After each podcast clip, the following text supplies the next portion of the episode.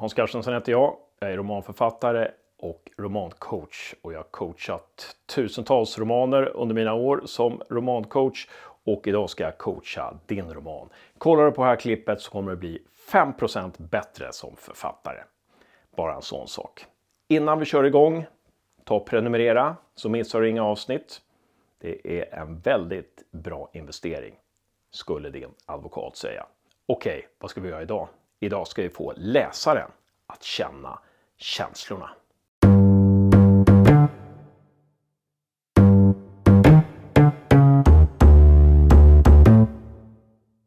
Få läsaren att känna känslorna. Det är ju det som är hela grejen med litteratur. Det är ju läsaren som ska känna.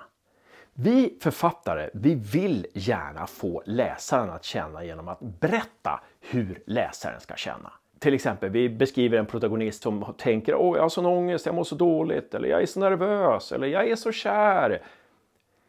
Men det funkar sällan särskilt bra. Läsaren vill inte bli pådyvlad att så här ska du känna. Läsaren vill känna själv. Det är först när läsaren blir skrämd som det blir läskigt. Det är först när läsaren blir nervöst som det blir lite darrigt. Det är först när läsaren blir kär som det blir en kärleksroman. Det där kan vara väldigt svårt att eh, förstå. För när man vill skapa en kärleksroman eller en kärleksfull relation så är det ju så väldigt lätt att bara sätta in två människor där och sen så låta dem kramas och kyssas och säga att de älskar varandra och så skiljs de därifrån. Men det är inte särskilt spännande. För det första när det gäller kärlek, så, som kanske är det svåraste att gestalta i en roman, i en berättande text. Men för det första, ska du få läsaren att investera i en kärleksberättelse, att ta till sig en kärleksberättelse, så måste läsaren unna protagonisten att bli kär. Katarina Keri gör ett jättebra jobb i ungdomsromanen som också blev Augustnominerad tror jag. Ingen grekisk gud precis. Där en kvinna blir kär i en man. Och vi läsare unnar den här kvinnan, den här unga kvinnan att bli kär i den här mannen. Eftersom hon har det så kärlekslöst hemma. Man pratar inte med varandra om känslor och det är ganska hårt. Och hon är lite halvt ensam i skolan och vi känner att när hon blir kär i den här mannen så känner vi att ja, det är precis det hon behöver. Vi unnar henne verkligen det. Vi vill det. Vi vill vara med om den här kärleksresan. På samma sätt när en karaktär eller en protagonist blir nervös vill vi läsare bli nervösa. Vi vill känna hur det liksom dallrar runt omkring oss. Ta Mats Kempe till exempel som har skrivit en novell som heter Anneli. Anneli är väldigt utsatt i ett killgäng. Men vi får inte en enda tanke från Anneli där hon tänker Gud vad jobbigt det är nu. Åh vad hemskt det är. Nej, det enda vi får är det här killgänget och deras jargong. Så att vi blir Anneli. Vi blir den här utsatta personen mitt i det här rummet. Så återigen, det är vi läsare som ska få uppleva. Författarens jobb är att bana väg för läsarens upplevelse. Om vi läsare ska bli skrämda till exempel, när en protagonist går igenom en mörk gränd, då krävs det två saker. Dels så krävs det att vi får en förförståelse för den här gränden. Att den här gränden får en historik av läskighet. Saker och ting har hänt i den här gränden tidigare. Efter det så krävs det ju att när protagonisten eller den här tänkande karaktären går igenom den här gränden så måste vi få uppleva det som den här karaktären upplever. Och varför pratar jag om det här så noggrant? Jo, för att det här är din övning nu. En tudelad övning som består av ett och två.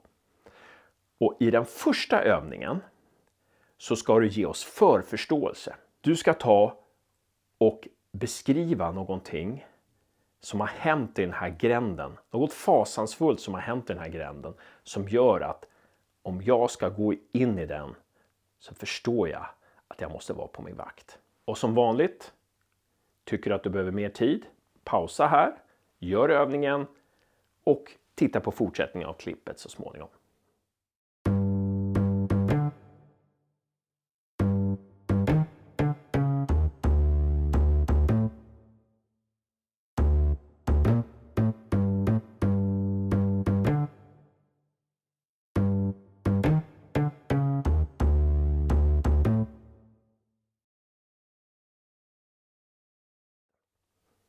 Okej, nu är det dags för övning nummer två. Du har beskrivit hur den här gränden, att någonting har hänt i den här gränden för några år sedan som gör att vi förstår att den där ska vi akta oss för. Nu föreställer du dig att du går igenom den här gränden och du ska beskriva det som du ser i den här gränden. Enbart. Och försök sätta fokus på sånt som är lite laddat. Du ska inte skriva ut några känslor. Du skriver utifrån dig, ifrån jag och du går i den här gränden på natten. Den är helt öde. Du är ensam och du beskriver vad du ser i den här gränden helt sakligt.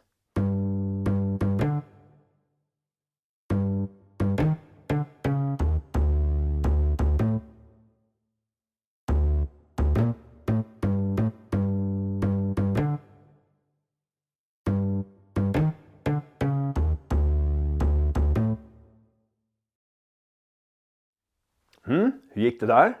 Det kan vara svårt att bara beskriva saker och ting sakligt. Det är jättelätt att man vill lägga in känslor till höger och vänster. För man tror att om jag lägger in massa känslor och talar om att det är läskigt, då kommer läsaren tycka att det är läskigt. Men det kan faktiskt få motsatt effekt. Låt läsaren uppleva läskigheten.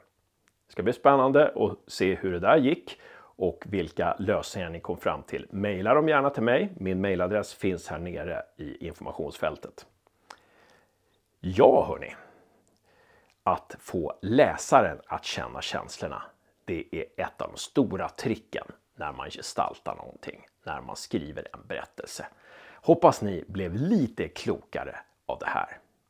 Och eh, lycka till med romanen nu.